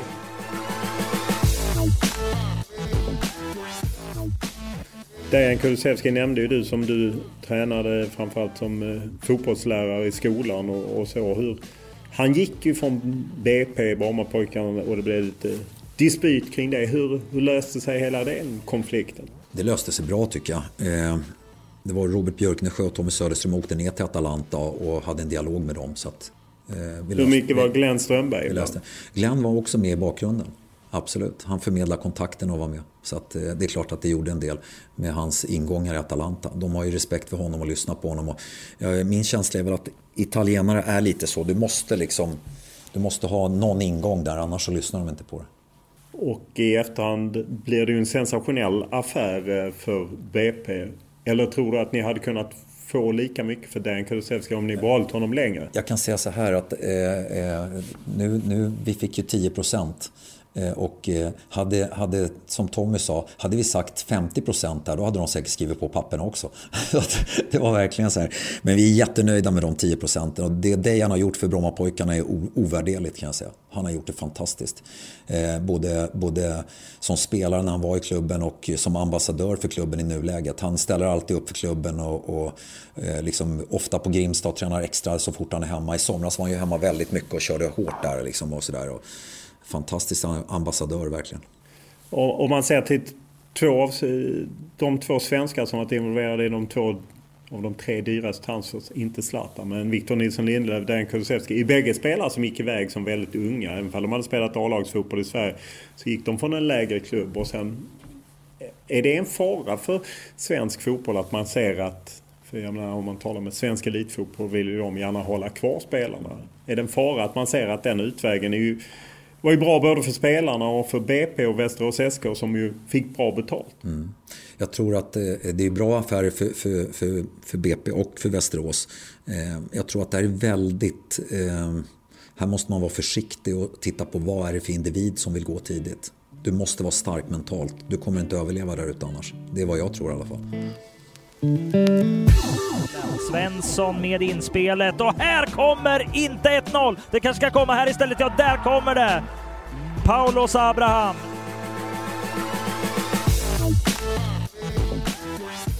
Paulus Abraham, Feyenoord, AIK. Hur, eh, hur är det att se en sån spelare gå till AIK? Är det bara kul eller? Nej, det är klart inte kul. Det, det, det var som någon skar ur hjärtat på mig. Det var, så var det ju. Vi märkte ju Paulus, vi tog ju upp honom från U19 här i, i januari och han går från klarhet till klarhet och i Svenska Kuppen så är han ju sensationellt bra mot Hammarby. Dras ner och får en straff och är hela tiden orosmoment. Eh, Sundsvall borta är han fantastisk och, och Varberg, allsvenska Varberg borta så drar han på sig två straffar. Han är hal som ett dål när han kommer från sin vänsterkant och drar inåt och vill skjuta med sin högerfot. Och, Eh, det roliga med Paulos det är att det är en sån fin kille. Han är också på Grimsta. Han var och körde ett extra pass på Grimsta faktiskt förra veckan. Och jag älskar när de kommer tillbaks liksom, och känner sig hemma och trygga. Liksom. Eh, Paulus, Paulos, jag hade ju honom i skolan också. Jag jobbade på Alviksskolans fotbollsprofil i sju år. Och Paulos var där från årskurs 4, 5, 6, 7, 8, 9. Och där ser man också, Paulos fick träna två dagar extra. Två pass extra i veckan fast på dagtid. Eh, vilket jag tror är jättenyttigt för de här spelarna. Och det har liksom varit signifikativt för flera av de här spelarna. Eh, Thomas Irsevod, Victor, Victor Gyökeres, Dejan Kulusevski, eh, Mark Orgos, eh, Paulus Abraham, även eh, Zidane Inusa som är i, i, i Frankrike nu. Att, om, man, ja. om man ser till BP's perspektiv, hade det varit bättre att eh, Paulus Abraham hade gått till Feyenoord som du talade om, eller är det bättre att han går till AIK? Eh, det är klart att ekonomiskt så hade det varit kanske bättre men vi har ju en, en, en, en procentsats också om man säljs vidare. Så att där kan och, det bli bra ändå. Om man ser till AIK så viker ju de av jämfört med många andra klubbar att de inte har det här eh, selektering innan 13. Hur, hur ser du på det? De har ju haft det fram tills för något år sedan när de slutade med det. Eh, vi får väl se hur länge de mm, kommer ha kvar det. Så vi får väl se. Eh, du låter inte övertygad. De, de, de, vill prova något nytt nu. Nej, jag vet inte. Jag är inte AIK längre, men, men jag tror att de... Eh, vi får se hur det blir. Eh, du är ju, skriver ju en av dina personer som ser upp till Per, per Jonsson, Per Jonsson agent och så. Hur svårt är det när du jobbar med talanger och så är han en av Sveriges största agenter? Mm. Alltså jag och Per, vi har ju vi har gått samma klass sen vi var gick i ettan till nian och vi slogs varje rast i årskurs ett. Och, och vem som skulle vara bäst på fotboll och vem som skulle vara bäst på cykla och vem som skulle vara bäst att klättra högst och allting. Så att, eh, nej, vi, vi, vi, är väldigt goda vänner sedan barnsben och, och eh, jag tror att det, det, det, kan vara en fördel om, om man eh, ringer och vill ha råd exempelvis i tuffa förhandlingar. Men han har ju suttit i sådana 200 gånger med utländska klubbar. Det är klart att då kan du ju få en, en väldigt bra rådgivning av honom. Men eh, utifrån kan du lätt se, ja men det är klart då får han en gräddfil rakt in på BP och han har ju haft många av era spelare. Fast då var ju inte jag i BP. Eh, så att det, det, vi tittade, det var någon annan som sa, men eh, du känner ju Per, då frågade jag hur många spelare har Per i vårt A-lag i vår verksamhet? Han har tre spelare i hela vårt A-lag och i hela vår verksamhet. Då är det helt andra agenter som har många fler spelare. Så. Men jag tänker av de yngre spelarna att det, på något sätt så knyter man inte upp kanske spelare i A-laget utan du knyter upp dem när de är yngre. Jag kan säga så här, eh, oavsett vilken agent som ringer mig frågar de mig någonting att ah, men, eh, hur är den här killen och hur är den spelaren? Då får de ett eh, ärligt svar av mig. Jag har sagt det att jag, jag ger alla samma svar. Jag försöker alltid vara jäkligt ärlig oavsett vem det är som ringer. Men det viktiga är att agenten är licensierade. Hur kom det sig att du blev tränare? Det var Ola Danad som frågade mig, legendaren. Eller... Tidigare klubbdirektör i BP. Men som vi nu ser här i detta huset där vi sitter, för han jobbar i Djurgården City ja, här. Han har ju bytt i Djurgården. Ja, tyvärr, Även han. Tyvärr. Nej men eh, det var Ola som frågade mig och en annan kille i BP 661 som vi spelade i, eh, som heter Peter Järn. Eh, han sa, Ola sa väldigt tidigt att, ah, fan Peter du borde bli tränare. Och då sa vi, ja okej okay då. Så, åkte vi, eller så gick vi till Södra Ängby bollplan, lilla kaninburen på en grusplan där. Då. Eh, och så fick, då kom han indragande med sin Volvo eh, kombi, en vit var det. Och så slängde han upp ett bollnät och lite koner och västar. Och så gav han oss tips på två övningar och så fick vi en, en, en lapp med alla namnen på. Sen drog han iväg igen. Sen stod vi där, två 14-åriga grabbar. Så då var det bara lösare. Eh, men jag har, varit, jag har varit väldigt tidig. Jag har alltid älskat att hålla på med det här. Redan på kollo så när jag var... Men var det för att du var bättre på det än du var som spelare? Ja, det är helt klart. Eh, jag, var en väldigt, jag är väldigt tekniskt lagd. Jag har bra spelförståelse och väldigt tekniskt. Däremot så eh, kan jag inte springa, jag är alldeles för långsam. Eh, så att, eh, jag brukar säga det om vissa spelare, hade jag haft den där tekniken att spela i Serie A, skämt åsido, men, men jag förstod ganska tidigt att jag inte skulle bli den här superstaren som jag ville, som jag drömde om. Liksom. Och då kände jag att ska, liksom, jag ville vara tränare, jag ville påverka. Eh, ditt största ja, mediala genombrott kom ju när du började engagera dig i Café Opera som ju Sandro Catenacci har dragit i, igång och ni går från division 8 till superettan. Du är med på slutet och tar upp dem i superettan. Hur, ja, jag var sportchef där i nio år. Ja, hur, hur kom det sig att det lockade? Nej, det var faktiskt... Eh, jag var med som spelare. Jag var med och tittade på Stockholms restaurangmästerskap. Då spelade Birger Bar, eh, som Sandro spelade i, för han ägde Birger Bar då också. Och då då, kom, eh, då, då, då var det bara sex spelare och klockan tickade mot, eh, mot ett eh, matchstart. Och, och då, då stod och kollade. Då stod jag där och tittade och då frågade Hörru, du där, du har ju dojor på, kan du inte hoppa in och lira? Jag bara, eh, då frågade jag domaren om jag fick vara med och hoppa in och lira. Då sa ja men hoppa in då för då blir de fullt. För det var ju sju manna. Eh, och då, tyckte, då gjorde jag några mål, han tyckte jag var bra. Så fan du måste ju spela med oss. Eh, så jag med en veckan därefter och sen så då startade de upp FC Café Opera då. Eh, och det bildades 90, 91 men startade i division 8 92. Eh, och sen så var jag med och spelade 92, 93, division 8, division 7. Eh, men samtidigt som jag var tränare i BP. Och sen till säsongen 94 då, i augusti 94, då frågade han mig, nej Peter, jag vill ha en riktig sportchef som tar tag i det här. Jag vill att vi går upp nästa år, jag vill att vi tar nästa steg. Kan du hjälpa mig med det? Och då sa jag att eh, om jag får göra det på mitt sätt. Jag vill inte köpa in gamla avdankade spelare. Jag vill istället liksom hitta spelare i, i lägre divisioner som är unga som har varit i toppklubbarna. Så vi, jag började kolla runt lite vad som fanns. De som har varit i, AIK, Djurgården, Hammarby och BP och Spånga som var i division 1 och sånt där. Så plockade jag lite spelare och gav dem en andra chans. Och det roliga var att till säsongen 95 så tog jag in Lennart Wass som tränare och 11 nyförvärv. Av de 11 så var det 7 stycken som var kvar när vi gick upp i Superettan sen. För det är ju rätt sensationell klättring som ni gör på, på nio år från längst ner upp till Superettan och ni kommer femma, sexa i, i Superettan. Rätt otroligt. Var det bara Catenacci-pengar eller? Ja, det är många som tror att han eh, pumpade in mycket pengar och det gjorde han till en del. Men vi hade inga drömlöner eller något sånt där utan jag vet en, en eh, före detta allsvensk spelare som, som eh, han ringde mig från Kina för att han var iväg på semester direkt. När säsongen, allsvenskan slutade drog han iväg med sin tjej och jag lämnade ett meddelande så ringde han upp mig. Då frågade, då frågade jag, är du sugen på att komma till kaféet? Och, ja, det beror på vad ni pröjsar. Då sa jag tack för samtalet. Det var Fredrik Dahlström, det skriver de i boken. Det vågar jag inte säga här. Ja, men det, han är ju namngiven i boken. Ja, ja. Nej, men... Eh, eh, så då jag på. Så där, var vi, där var jag ganska tuff. Jag vill ju ha spelare som känner hjärta för det de gör och som, som brinner av passion för det här, det man ska göra. Annars tror jag att man inte kommer lyckas. Eh, och man kan ju säga att eh, man kan ju hylla klubbar som gör den här klättringen. Men det känns inte som att ni blev så hyllade. Ni kom med snygga kostymer. Ett tag hade ni Alfa Romeo och det var tv-reklam. Alltså ni, ni stack ut på ett kanske negativt sätt. Mm. Det var väl också för att vi var, vi var kanske först med det, med att göra reklamfilm för, för våra matcher i Superettan. Vi fick ju media gratis där, reklam, så att, som vi gjorde barter, barterdealar med och sånt där. Och vi tyckte att det var en rolig grej att sticka ut lite på det sättet också, för det var så vi fick lite intresse och vi visste att vi skulle göra det. Eh, så att, eh, men vi körde ett italienskt tema, vi spelade i Kappa och vi körde Alfa Romeo och vi var sponsrade av Barilla och vi hade ett eget matchprogram i Rosa som hette La Gazzetta del Café Opera. Så att det var ju lite sådär. Och det var, jag tror att vi låg ett halvår före Rosa Sportbladet faktiskt. Så att jag vet inte om de fick idén av oss. det, kan, det kanske de fick. Men det, det, skriver du också i boken. Du tar ju upp där att du väcker känslor. Liksom. Du eh, citerar Mats Olsson, den de kallar kissen som han alltid skrev. Och att du, ja, det verkar ha gjort lite ont på dig. Ja, det, jag, jag, tycker han, han, skrev saker som inte hör ihop med det jag håller på med.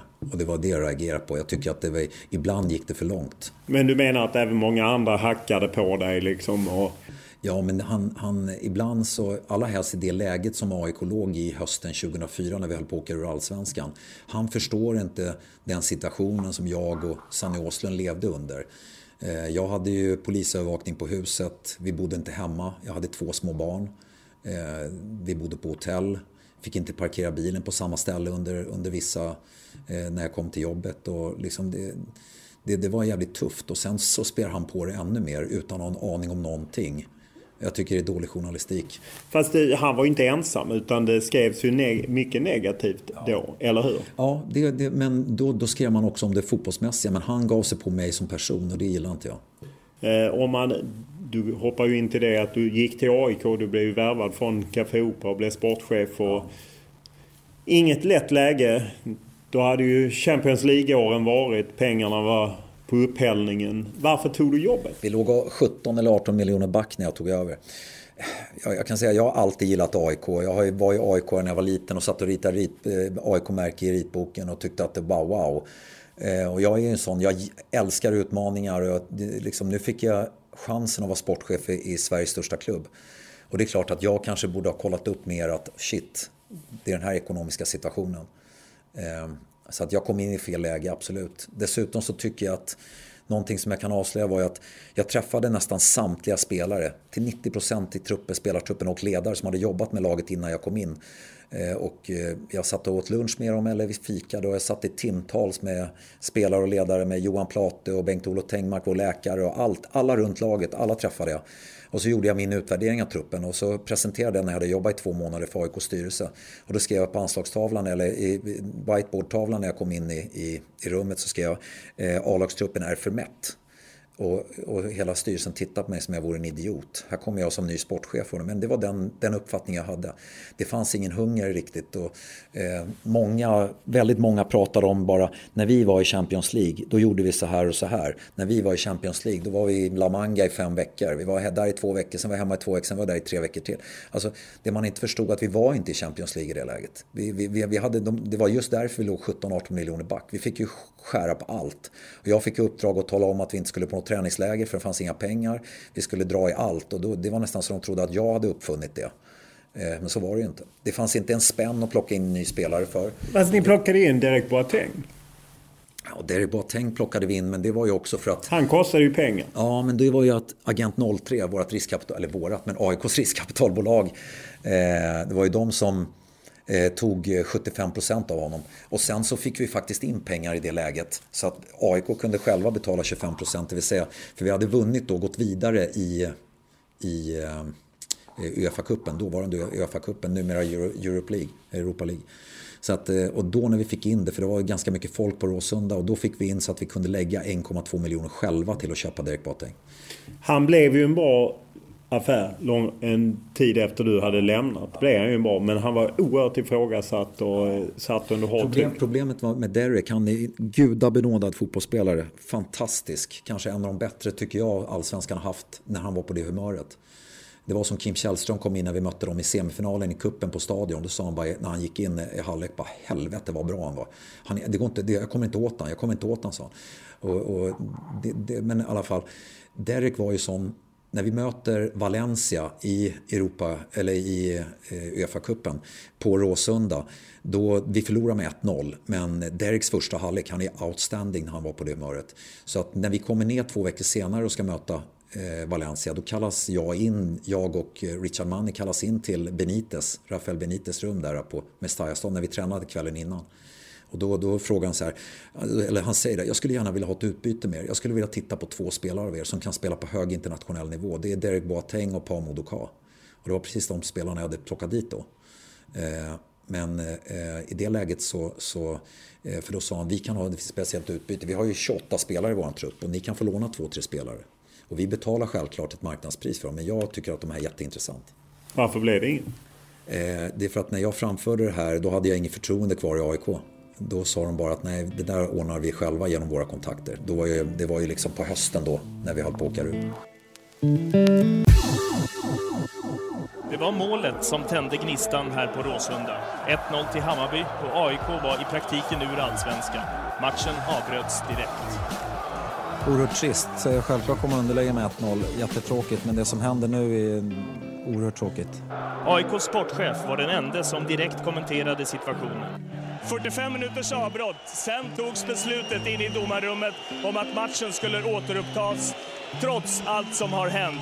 Stängslet gav snabbt vika. Polisen var faktiskt förvarnad om ett eventuellt attentat från huliganerna. Det är en eh, svart kväll, inte bara för AIK det här, utan en mycket mörk kväll för svensk fotboll. Det är helt tydligt att våldet har flyttat tillbaka in på arenan igen.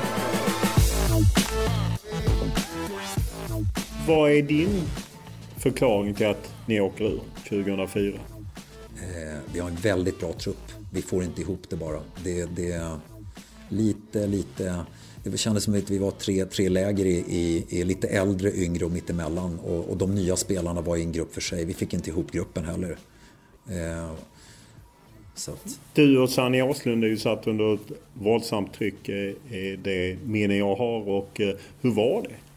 Det var jättetufft. Det var jättetufft. Eh, så var det. Eh, sen tycker jag ändå att vi... vi eh, Sanny var ju extremt stark tycker jag. Han höll verkligen liksom... Han, han kunde gå ut med, med, med, med, med bröstet sträckt tycker jag. Jag tycker han gjorde det jättebra som ledare. Han försökte verkligen hela tiden in i kaklet. Eh, så att eh, vi jobbade hårt som attan, vi fick inte ihop det riktigt och, och sen så, så var det väl lite så att vi kanske skulle ha haft en, en, eh, en erfaren tränare också. Hur eh, var situationen som du beskrev tidigare med att leva under hot? Eh, jobbig framförallt för mina. Jag tänkte nog inte på det så mycket. Eh, jag, jag, levde i det och jag var så inne på att vi måste vinna nästa match. Vi måste, vi måste. Eh, jag fick ju förfrågan och blev lite utsatt för kvartssamtal ute på krogen när vissa tryckte in mig på en toalett. stod sex stycken runt om mig. Men jag sa det, ni, ni måste ju veta också att vi jobbar för AIKs bästa hela tiden. Vi vill ju inget hellre än att vi ska liksom... Men, men att vi ska ändra på det. Vi, vi, ville verkligen uppåt. Det var ju så. Och nu måste vi jobba ännu mer. Och fansen måste vi ha med oss. Sviker de, då, då, har, vi liksom, då har vi ännu en motståndare mot oss. Så att, nej, det var tufft. Jättetufft. Framförallt var det jobbigt för min familj också. Det var de som jag tycker var jobbigast för. Klubben åker ut, du får sluta. Var det ett skäl till att du liksom inte har kommit tillbaka till elitfotbollen riktigt? Jag tror jag fick en jävla smäll där. Jag har ju bara haft, haft framgång i nästan allting jag har gjort inom fotbollen. Och sen så när man väl får det finaste jobbet av dem alla, då går det åt helvete. Eh, det är klart att jag skulle kanske ha velat komma in under andra förutsättningar och det. Där man skulle kunna bygga om det på ett annat sätt och ha haft lite tålamod. Men sen är det också en klubb som AIK har man inte tålamod. Men jag tycker att man har en bra trupp men det är, det, det är för, för många bra spelare som inte presterar på den nivån. Du pratar om en erfaren tränare en annan tränare än Manni då helt enkelt? Richard Manni. Manni var inte med när vi åkte ur. Nej, utan han hade lämnat. Utan... Ja, han lämnade ju redan efter tre omgångar. Eh, och sen så kom eh, Patrik Englund hoppade in som tränare. Han var ju assisterande tränare då. Och han hade väl, jag, jag älskar Patrik, en fantastisk människa det. Men jag tror AIK gjorde honom en otjänst också med tanke på att man kanske, kanske skulle ha haft någon som har lite mer erfarenhet. Vad ångrar du? Vad jag ångrar? Ja... ja men kring det AIK? Ja, nej, nu, det, det, det, finns väl en hel del jag ångrar. Eh, självklart så ångrar jag att man tog, fram, man tog in vissa spelare och, och, man valde hit och dit. Men det gick inte att välja på så mycket med tanke på att vi hade inga pengar. Eh, de spelarna som kom in då, Pamodoka och även eh, Derek Boateng gjorde jag jättebra affärer i. Eh, Derek Boateng såldes ju sen för 23 miljoner. Det stod 15 miljoner i tidningen men Patrik Mörk, hans agent, ringde och berättade att det var 23. Vilket är fantastiskt. Eh, så där tjänade AIK tror jag 18,7 miljoner. Eller agent 03 en stor del av dem. Eh, och, men sen så Pamodoka var ju också en väldigt bra affär. Jag köpte loss honom, han hade ett halvår kvar på sitt avtal och vi köpte loss honom för peanutspengar. Och där fick jag till och med ringa till övergångsavdelningen. Snälla, gå inte, gå inte, gå inte. Jag kom springande med fax som det var då på den tiden, var under, underskriven av det. Så det var ju, det var ju Bingolotto att få in honom för han såldes också för x antal miljoner så att klubben tjänade en stor del. Efter det har du förutom BP inte gått tillbaka till, du jobbade lite som eh, konsult i Assyriska och så men är det skönare att jobba med ungdomsfotboll? Det jag gjorde i Assyriska, jag hjälpte dem bara att skriva deras utbildningsmanual. Eh, ja, jag, jag, jag, har alltid jobbat med ungdomar men jag fick mig nog en jäkla knäck där under den seniortiden. Eh, så att, eh, och då tänkte inte jag mer på att jag skulle tillbaka till seniorfotbollen. Eh, ibland kan jag ångra att jag inte satsade på att bli tränare. Men det känns nästan larvigt att jag skulle komma tillbaka som tränare nu efteråt. Efter att ha varit sportchef i AIK. Att man skulle satsa på en tränarkarriär på seniorsidan. Men ibland kan jag ångra det. För ibland när man ser vissa, vissa seniortränare så blir man ju lite konfundersam. Vilka då? Nej, det håller jag för mig själv. Eh, nu är du ju sportchef i, i, i BP och eh, vad är rimligt för en klubb som BP att aspirera på? Jag är tillförordnad sportchef i BP kan jag säga. Eh, från och med eh, börja, eller slutet på februari, början på mars. Ehm, det rimliga för en klubb som BP är att vi borde vara bland de eh, bland, kanske bland de 25 bästa lagen i Sverige. Där ska vi vara, ett mittenlag i Superettan. Och någon gång så får vi fram en årgång som är riktigt bra och då är man med och, och, och, och slåss om att gå upp i Allsvenskan. Skulle man lyckas med det kanske man är med där ett eller två eller tre år och sen kanske man ramlar ner igen. Det är väl det rimliga tror jag. Ehm, man, För att man är att mer en matarklubb? Ja, att man blir en stabil superettan-klubb och, och, att man matar munnen efter matsäcken så att säga. Eh, man, man, man, ska titta på att bli ett, ett, ett etablerat superettanlag och, och kunna hålla sig kvar där hela tiden. Vi är för bra för att vara i division 1 nu. Och det är alldeles för dyrt att vara i division 1. Får inte en krona. Eh, publikmässigt, finns det ett hopp om att BP någon gång ska kunna dra till sig större publikskaror? Man hoppas ju det. Eh, man hoppas ju det. Men många föds ju in i de här som AIK, Djurgården, Hammarby. Det är tufft, det är jättesvårt. Eh, men det är självklart, när vi har 4 000 ungdomar, skulle de ta med sig mamma och pappa, då skulle vi ha 8 000 på Grimsta varje match. Så man hoppas ju någonstans. Eh, hur, och jag menar återvändare, de går ju inte alltid hem till BP utan de går ju hem till andra klubbar. Ja, återvändare och det handlar ju om ekonomi. Vi har ju inte den ekonomin kanske som många andra har. Eh, vi satt och skissade på olika startelver och tittade på vilka allsvenska elver och utomlands vilka elver vi har. Jag tror vi har nästan två elver som skulle vara med om att slåss och vinna allsvenskan om man tittar på alla proffsspelare och eh, alla allsvenska spelare vi har. Men det kommer inte ske? Nej, vi har inte de pengarna. Det, tyvärr. Jag trodde nu hade ni Kulusevski-pengar. Jo, men frågan om man ska satsa på det eller om vi ska lägga in dem i vår ungdomsverksamhet och, och göra den ännu bättre. Och, och sen har vi ett damlag också så att, eh, och ett herrlag så att pengarna ska in i verksamheten. Om du får välja, vad lägger man helst pengarna på? A-lag på herr och dam eller på ungdomsverksamhet? Ja, vi får nog fördela dem som vi gör nu väldigt eh, broderligt så att säga. Eh, med, med lite överallt där de behövs. Stort tack för att du ställde upp. Ja, tack. Kul att vara här Olof.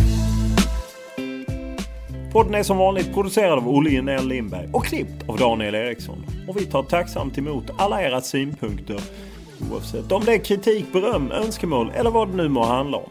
Enklast är alltid att mejla mig olof.lund.tv4.se eller skriva till mig på Instagram eller Twitter. Då är det Olof Lund som gäller i ett ord. Stort tack för den här veckan!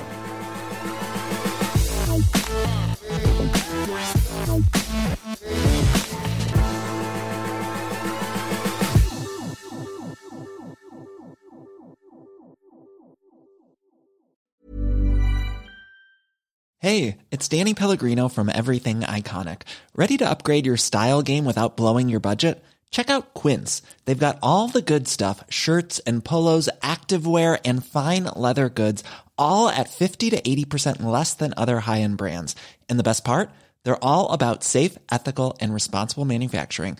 Get that luxury vibe without the luxury price tag. Hit up quince.com slash upgrade for free shipping and 365 day returns on your next order. That's quince.com slash upgrade.